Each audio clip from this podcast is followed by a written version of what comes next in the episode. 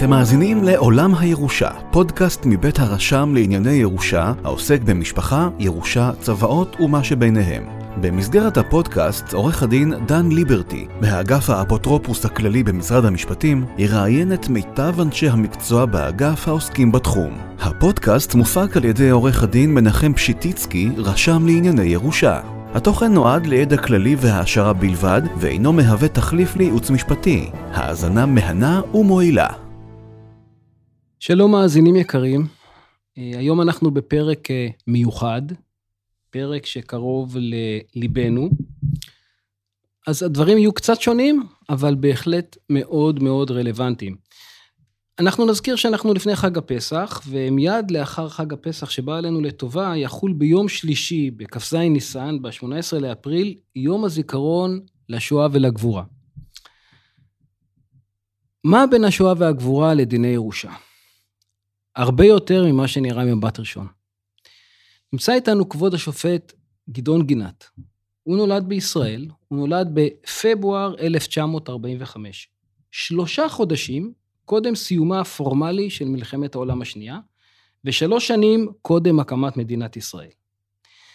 השופט גינת עסק בעריכת דין במשך למעלה מ-15 שנה, כתב מאמרים בתחום הקניין הרוחני, ובשנת 1989 מונה לכהונה לבית המשפט המחוזי בנצרת, כיהן כשופט בבית המשפט המחוזי בירושלים ובחיפה, וכסגן נשיא בית המשפט המחוזי בחיפה ותל אביב.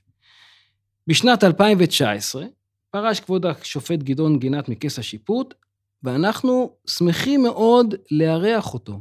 שלום לך. שלום, אני שמח להיות כאן. גם אנחנו. מעט רקע על שואת יהודי יוון. שואת יהודי יוון היא חלק מהסיפור הקשה מאוד של מלחמת העולם השנייה. מלחמת העולם השנייה נפתחה ב-1 בספטמבר 1939 והסתיימה באופן פורמלי ב-8 במאי 1945. מה הייתה מלחמת העולם השנייה? בעצם היו שני גושים גדולים. היו מדינות הציר, של גרמניה, של איטליה, של יפן ועוד מדינות שנספחו אליהם, כמו למשל בולגריה, שתכף נדבר עליה, שנלחמו בבעלות הברית, שמנעו את בריטניה ואת צרפת ואת ברית המועצות ואת ארצות הברית שהצטרפה בסוף המלחמה. ב-1936, כלומר, שלוש שנים לפני שפורצת מלחמת העולם השנייה, אני עומד בראשות ממשלת יוון גנרל בשם יואניס מטקסס. ואנחנו תכף נחזור אליו, הוא יהיה דמות מפתח. אמ, לפני שפורצת מלחמת העולם השנייה, אנחנו מדברים על אפריל 1939, להזכיר, מלחמת העולם השנייה פורצת חצי שנה אחר כך, האיטלקים, שהם בני ברית של הגרמנים, כובשים את אלבניה. אלבניה היא צפונית ליוון.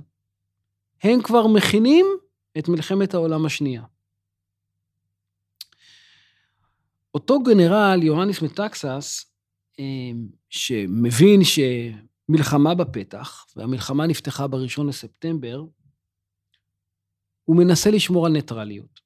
והוא הודף את הניסיונות האיטלקים, שכזכור נמצאים עכשיו מצפון ליוון במדינת אלבניה, לדחוף אותו להצטרף למלחמה לצידם של איטליה וגרמניה.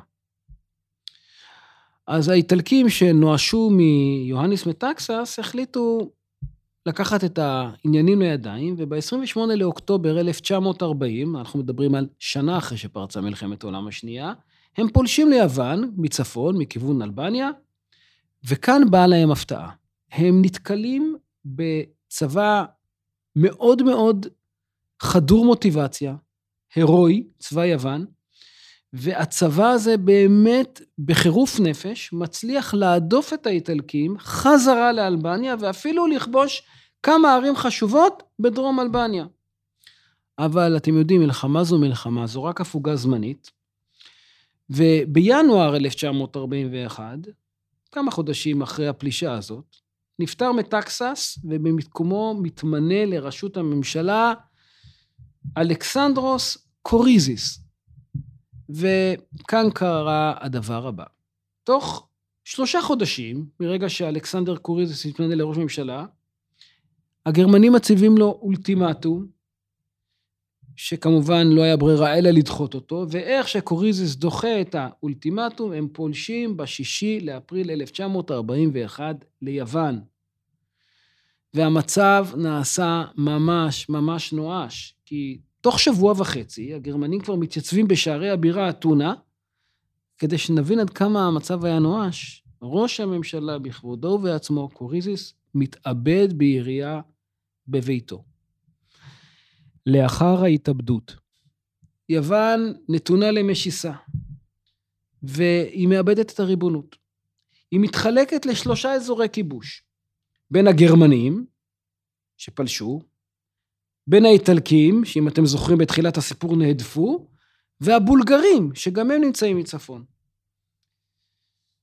בתחום השליטה של הגרמנים ביוון, הם פשוט מציבים ראשי ממשלה, מה שאנחנו קוראים אצלנו בובות, והם מפעילים אותם כרצונם.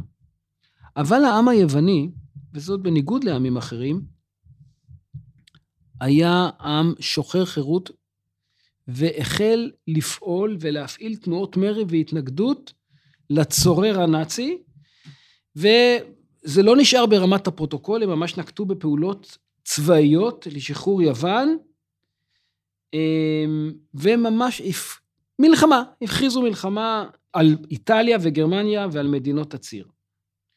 למה אני מספר את זה? כי קרה כאן מהפך נוסף. הרי במקביל למלחמה ביוון, מדינות הציר ומדינות הברית, או בעלות הברית, נלחמו בכל רחבי העולם, זו מלחמת העולם. ועם הזמן, איטליה נחלשה, ובשמיני בספטמבר 1943 נכנעה איטליה סופית. בכלל, היא יצאה ממעגל המלחמה, היא נכנעה לבנות הברית, והגרמנים תפסו את מקומם של האיטלקים בכל מקום שהם היו לפני כן. אם האיטלקים עוד היה להם אחיזה ביוון, עכשיו גם את החלק, החלקה הזאת, גם את זה תפסו הגרמנים. וכאן מתחיל הסיפור המאוד מאוד קשה שלנו. שהיה קשה מאוד עד עכשיו, ועד עכשיו הפך לקשה עוד יותר. כחצי שנה לפני שאיטליה נכנעה, אנחנו מדברים על מרץ 1943, כבר מתחילים לגרש את יהודי יוון למחנות ההשמדה. במרץ 1943 הבולגרים מגרשים את יהודי מקדוניה וטרקל למותם במחנה ההשמדה טרבלינקה. במקביל, באזור שבשליטת הגרמנים נשלחו יהודים למחנות ההשמדה אושוויץ וברגן בלזן, וכמובן שכאשר הגרמנים תפסו את מקומם של האיטלקים, אתם יכולים רק לנחש מה הייתה התוצאה. זה המקום לציין, וחשוב לי להגיד את זה, שמנהיגים מקרב אנשי הציבור ביוון, וכלל זה כמורה, אקדמיה, דיברו מפורשות בזכות היהודים, ומחו בפני ממשלת הבובות והכיבוש בגרמניה ואיטליה על הפגיעה המאוד קשה ביהודים, אבל זה לא עזר. זה פשוט לא עזר. וב-1944 הגרמנים כבר מגיעים ליהודי האי קורפו וליהודי האי רודוס. מה אומר לכם? יש דברים שאין להם מילים. רובם המוחץ של יהודי יוון נספה בשואה. רק לקבל פרופורציה. ב-1941 עדיין חיו ביוון 77,178 יהודים. אבל חלקם הארי, 56 אלף מתוכם, חיו בעיר הנמל סלוניקי. בעקבות השואה נספו כ-96 אחוזים מיהודי הסלוניקי, ורק כ-4 אחוזים שרדו. עם תום המלחמה, עזבו רבים מהשורדים את יוון, עלו לארץ ישראל, ולקחו חלק בבניין מדינת ישראל הצעירה.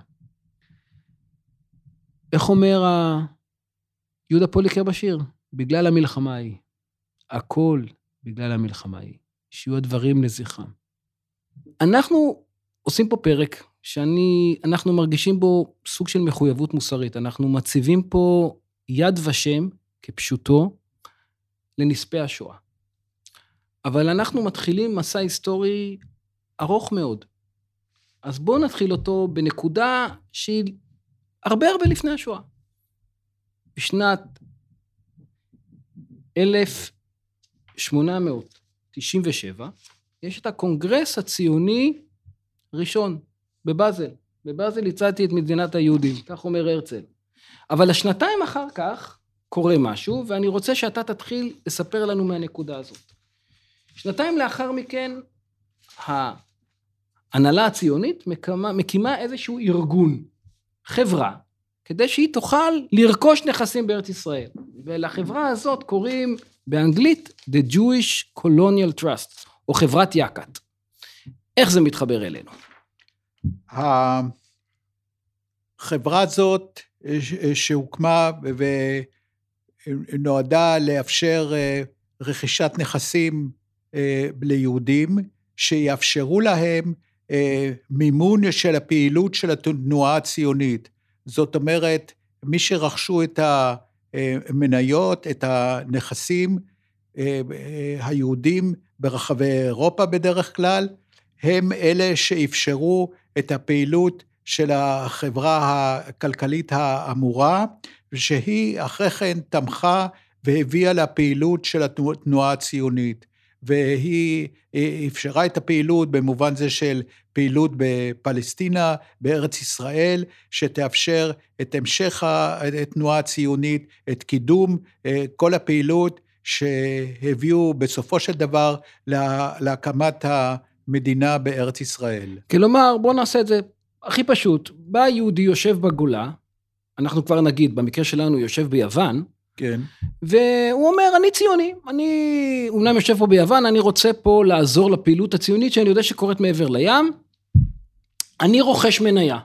כן. המניה, לצורך העניין, עשר לירות סטרלינג. והכסף הזה עובר לחברה, והחברה באמצעות המניה הזאת, או באמצעות הכספים האלה, תרכוש, או שלא תרכוש, נכסים בארץ ישראל. אני צודק? כן, בהחלט כן. אז מה קרה פה? מה הסיפור המיוחד של המניות האלה? של יהודים, במקרה הזה מיוון, תכף נדבר על זה, שרוכשים מניות. מה קרה? שבסופו של דבר נרכשו נכסים בארץ ישראל, בפלסטינה. כאן היה המקום שבו אה, נרכשו הנכסים, שנעשו צעדים כלכליים, שהביאו אה, אה, לפעילות של החברה הכלכלית, לנכסים של, ולזכויות של בעלי המניות. עכשיו, רק רגע, המניות האלה, זאת אומרת, המניות האלה, המניות של החברה, החברה הזאת בכלל, שאנחנו קוראים לה יקת, כן. היא מאז הספיקה לשנות את שמה, נכון? כן. אני צודק.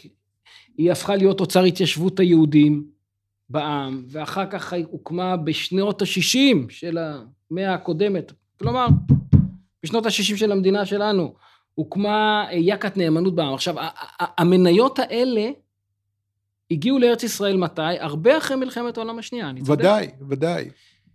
כלומר, הנכס, הנכס לא נרכש באמצעותן, נכון? אה, אה, נכון, אבל אה, הפעילות שהביאה לערך של המניות וכולי, היא הייתה באמצעות ההשקעה, באמצעות הפעילות של החברה, וכמובן הפעילות של החברה התאפשרה בזכותם של אותם אה, רוכשי אה, הזכויות, רוכשי בעלי המניות, מי שהשקיעו בחברה. עכשיו, אני... והנכסים נרכשו בארץ ישראל.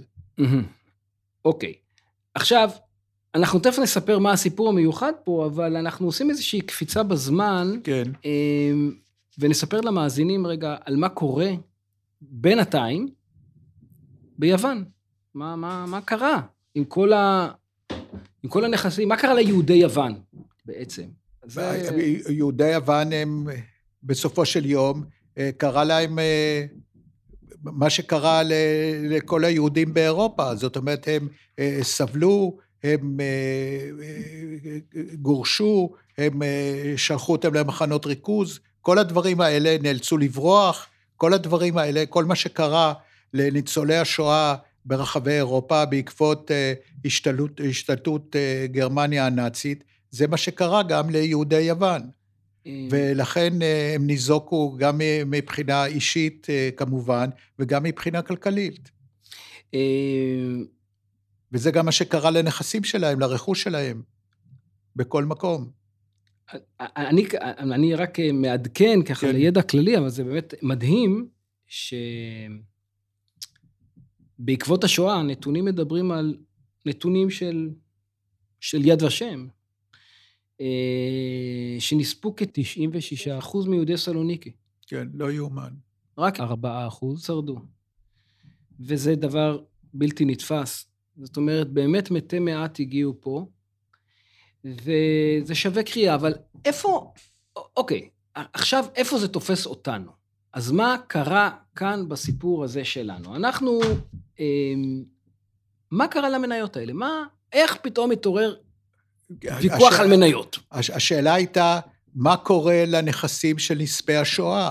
זאת אומרת, מה צריך להיות הדין שחל על נכסים של נספי השואה, האם יחול החוק היווני, האם יחול החוק אה, שחוקק אה, מאוחר יותר אה, במדינת ישראל, איך יטפלו בזכויות של מי שהיו רוכשי המניות, ומה במקרה שיש חילוקי דעות, במקרה, במקרה ספציפי, איך יוכרע הדין, האם יחול החוק החל במדינת ישראל, או החוק אה, החל על נספי שואה יווניים באופן ספציפי. רגע, אני, אני מנסה להבין. יש במדינת ישראל, יש חוק. כן. יש חוק שנולד בשנת 2006, וקוראים לו חוק נכסים של נספי שואה. הוקמה חברה, שבינתיים הספיקה להתפרק ב-2017, אבל הפעילות שלה עדיין קיימת באפוטרופוס הכללי, והחברה הזאת בעצם שמה לה מטרתה לאתר נכסים של אנשים שנספו בשואה, אבל אנשים שרכשו נכסים בישראל, אבל נספו בשואה. כלומר, ישב לו יהודי, במקרה הזה ביוון, אם לצורך העניין זה היה קרקע, הוא רכש קרקע בישראל, ולא עלינו נספה בשואה. וצריך לטפל בנכס שלו, למצוא את היורשים, אם לא למצוא את היורשים, להעביר את זה למטרות הנצחה, את כספים, לעשות עם זה משהו. איפה צצו היוונים? איפה פה הסיפור? אז אה, אה, אה, אני רוצה לומר מה שציינתי בפסק דין שנתתי, חוק נכסי הנספ... הנספים נועד להיות במודע ובמתכוון חוק טריטוריאלי. זאת אומרת, הוא חל על נכסים הנמצאים בישראל, השייכים לנספי השואה, ללא קשר לאזרחותם ומקום מושבם, במועד פטירתם או בכלל. זאת אומרת, זה חוק טריטוריאלי שחל במקרה ספציפי על נכסים הנמצאים בישראל השייכים לנספי שואה. זו המטרה של החוק, זו אה, הדרך שבה החוק נועד לשמר או להגן על הזכויות של אותם אה, נספים, ללא קשר לחוקים שחוקקו בהקשר הזה אה, למקום מוצאם של נספי השואה. במקרה שבו אה, דנתי היו אה, אזרחי יוון, אבל יכולים להיות גם מקרים אחרים. והחוק הישראלי נועד להגן על הזכויות של אה, נרכשו על ידי נספי השואה כמוגדרים בחוק הישראלי שלנו. רגע, אני רוצה רגע לחדד את הנקודה הזאת, כי זו כן. נקודה חשובה.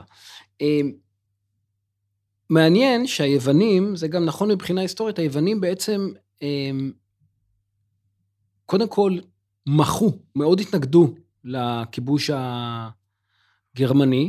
כן. אה, בפועל, וגם אנשי ציבור מחו, אנחנו יודעים מבחינה היסטורית, ממש מחו נגד מה שנעשה ליהודי יוון, לא שזה עזר בסוף, הגרמנים בסופו של דבר השתלטו על כל, כן. על כל יוון ועשו את מה שעשו. די מהר, כן. ועשו את זה מהר מאוד, לצערנו, וביעילות ידועה, אבל אה, בעקבות מלחמת העולם השנייה, וזה דבר מדהים, היוונים מחוקקים חוק, חוק יווני, שנזכר בפסק הדין שאתה כתבת, והחוק הזה, יש לו מטרות מאוד דומות לחוקים שלנו. הם אומרים, תשמעו, יהודי יוון היו אזרחים שלנו, ונפגעו, ונכון שאולי אנחנו לא מוצאים את הנכסים שלהם כרגע, אבל, כן, אנחנו, המדינה לא תיקח בעלות על הנכסים של היהודים. היא לא תיקח בעלות. אנחנו נאתר אותם, אנחנו נמצא אותם, והנה במקרה שלנו, אם נמצא מניות, וזה מה שקורה פה אצלנו, נכון? יש לכם מניות, את אה, יהודי יוון, רכשו מניות, המניות נמצאות היום אצלכם, התגלגלו אליכם בשנות ה-60, המניות הן שלנו. החוק שלנו, הם אומרים, הרבה הרבה לפני החוק שלכם. החוק שלנו זה בסוף מלחמת העולם השנייה. אתם ילדתם חוק כמעט 60 שנה אחר כך, ב-2006. אמ, אז בלשון ההגדה, מה אנחנו משיבים לבן? כן, מה, ש... מה שכתבתי בסעיף 15 לפסק הדין אה, שניתן על ידי, שאומנם אה, החוק היווני הוא תקדימי, וכנראה שכוונת המחוקק היווני הייתה חיובית, ורצה לבוא לקראת אה, נספי השואה ממוצא יווני, אבל אני צידק, ציינתי בסעיף 15 לפסק הדין שניתן על ידי, שהחוק הישראלי חייב לחול, כי אה, השאלה המכרעת היא, הרוב המכריע של הנכסים נספי השואה נרכשו על ידי נספי השואה בישראל עובר לשואה, ונכסים שהתגלגלו לישראל רק שנים לאחר פטירת הנספים, אה, אה, בכל זאת צריך לפרש את חוק נכסי הנספים ככזה שמחריג בהגדרתו מהנכסים הנכנסים תחת כנפי החוק את הנכסים שלא היו בישראל במועד רכישתם על ידי נספי השואה או במועד פטירתם. זה הדבר אה, המכריע שצריך לקחת בחשבון, וזו הפרשנות שניתנה על ידי, על ידי לחוק, ולכן זה אני חושב מה שצריך לקחת בחשבון מקרה קונקרטי של פרשנות החוק הרלוונטית. רגע, אני, אני מבקש כאן את הנקודה הזאת לחדד, כי כן, היא עלתה, היא עלתה כן. במובהק בפסק הדין. בעצם, אנחנו כאילו יושבים וחושבים, מבינים טוב מאוד שאם יושב המחוקק הישראלי, והחוק שלו מתנגש עם החוק היווני, אז באופן טבעי החוק הישראלי, הנטייה שלנו תהיה להצדיק את החוק הישראלי, כדי שלא נתחיל כל נכס שמגיע לשאול האם ננתב אותו לישראל או ליוון או לכל מדינה אחרת? זה אפשר להבין, אבל עורך הדין, העורך הדין הישראלי, כן, כן. שייצג את היוונים, הוא אמר טענה שובת לב. הוא אמר ככה, הוא אמר, תקשיבו, מה אתם פוחדים? שהחוק היווני יפרק לכם את כל הנכסים? אנחנו מדברים פה, יפרק לכם את החוק, החוק הישראלי לא יהיה שווה כלום. הוא אומר להם, תקשיבו, בסך הכל מה מדובר פה? מדובר פה על נכסים, במקרה הזה מניות, שהם הגיעו למדינת ישראל מאוד מאוחר. החוק שלכם יחול על כל הנכסים, מקרקעין שהיו במדינת ישראל בזמן שבן אדם נספה בשואה. כי המקרה הקלאסי הוא שהוא בן אדם נספה בשואה, אבל כמה שנים קודם לכן רכש נכס בארץ ישראל. אבל הנכס שלי, הוא אומר, זה סיפור אחר. הוא הגיע אליכם פה, למדינת ישראל, הוא הגיע אליכם שנים אחר כך. זה קבוצה קטנה של נכסים. תנו לחוק היווני להתגבר. מה עונים לו? אני חושב שהתשובה היא שהדבר הוא לפי פרשנות החוק הישראלי שנמצא בפני בית המשפט בישראל, והפרשנות שניתנה על ידי בפסק הדין מבוססת על אה, דברי ההסבר לחוק, על אה, עבודת מחקר שנעשתה על ידי אה, הגוף המחוקק קודם לקבלת החוק, ועל אה, פרשנות נאותה של החוק לפי כוונת המחוקק ולפי הנסיבות שהביאו לחקיקת אותו חוק. זאת אומרת, בית המשפט בוחן הן את הנסיבות הקונקרטיות של המקרה, מה היו הנסיבות הספציפיות, והן את דרך החקיקה ואת כוונת המחוקק, כמובן לפי לשון החוק. ואני חושב שכאשר בוחנים את כלל נסיבות העניין, אה, התוצאה הנכונה והצודקת היא הפרשנות שניתנה על ידי אה, בפסק הדין שאנחנו מדברים עליו. אה, אני שמתי לב כן. שגם את ה... נגיד הפרשנות התכליתית, שאתה כן. אומר, תשמע, זה חוק ישראלי, ופה יש את רוב נספי השואה, ההיגיון הוא מאוד ברור, אבל אתה אמרת, זה לא רק שאני חושב שזה נכון, כי כמו שאמרנו, אפשר לטעון טענות מסוג אחר, אבל אתה אמרת, זה גם כתוב בחוק. כן. נכון? אתה אומר, נכס של נספי שואה שנמצא בישראל. מה זה שנמצא בישראל? והשאלה היא, אה, השאלה היא לא אה, מתי הוא הגיע לישראל, אלא שהוא בסופו של דבר נמצא בישראל. ולכן זו הפרשנות של החוק, הפרשנות היא מבוססת על uh, התיעוד uh, שמראה את כוונת המחוקק, שמראה את העבודות שנעשו uh, לצורך קבלת החוק, ואת דרך הפרשנות המקובלת. ו, ולכן אני חושב שאחרי בחינת הנסיבות הספציפיות של אותו אה, מקרה, אחרי בחינת העובדות הרלוונטיות, כפי שצריך להיות בכל מקרה, אחרי שמיעת כל אה, הנוגעים בדבר, זו הפרשנות המתאימה וזו הפרשנות אל, אל, אליה הגעתי. אה, בסוף פסק הדין בעצם הצעת איזושהי הצעה שהיא מחוץ לפרוטוקול. כן. אבל כן. ספר לנו עליה, כי בסופו של דבר אנחנו באים ומשיבים את פני החברה היוונית, שהוקמה במיוחד כדי לשקם נכסים של יהודי יוון שנספו בשואה, אנחנו משיבים את פניהם ריקם. אז מה בכל זאת אפשר לעשות? אה, תמיד צריך, כפי, כפי שאמרתי, צריך לשקול את הנסיבות הספציפיות של העניין. אפשר לראות האם אפשר לי, אה, אה, לעזור לנפגע קונקרטי שלא, אה, הפרשנות שלו אומנם לא התקבלה על ידי בית המשפט, אבל אולי אפשר לעזור לו בנסיבות הספציפיות. אני אה, אה, נמנעתי, אני חושב, בסופו של דבר ממתן צו בדבר הוצאות בהליך, ואני כתבתי גם שאפשר להפנות שיקולים אנושיים כדי לבסס אי פסיקת הוצאות לטובת בעל דין אה, שזכה, ואני כתבתי גם שאפשר אה, לעשות, אה, כתבתי שלא תחטא משיבה במילוי תפקידה, אם תמצא גם לאחר מתן פסק דין זה ובהקדם פתרון שמחד עולה בקנה אחד עם תכלית חוק נכסי הנספים, ומאידך עושה חסד עם שארית הפליטה מקרב יהודי יוון הזקוקים לסיוע. זאת אומרת, זה שיקול ש... החוק אומנם אה, לא, לא מורה עליו, אבל שאפשר היה בנסיבות העניין לקחת אותו בחשבון, והמלצתי לגורמים הרלוונטיים לקחת אותו בחשבון ולהתקדם גם בכיוון הזה. שוב, כמובן, אה, אה, בהתבסס חקירת הנסיבות הספציפיות של המקרה הנדון. כלומר שאותן מניות שכבר הגיעו לארץ כן. ישראל, ואנחנו יודעים שהן מניות שנרכשו בשעתו על יהודי, או על יד... יהודי מיוון, התמורתם, או המימוש שלהם, תלך ליהודי יוון. לקהילת יהודי יוון הנזקקים פה בארץ ישראל, ככה אני הבנתי לפחות. הנזקקים פה בארץ ישראל, זה אני מסכים. כן. כן.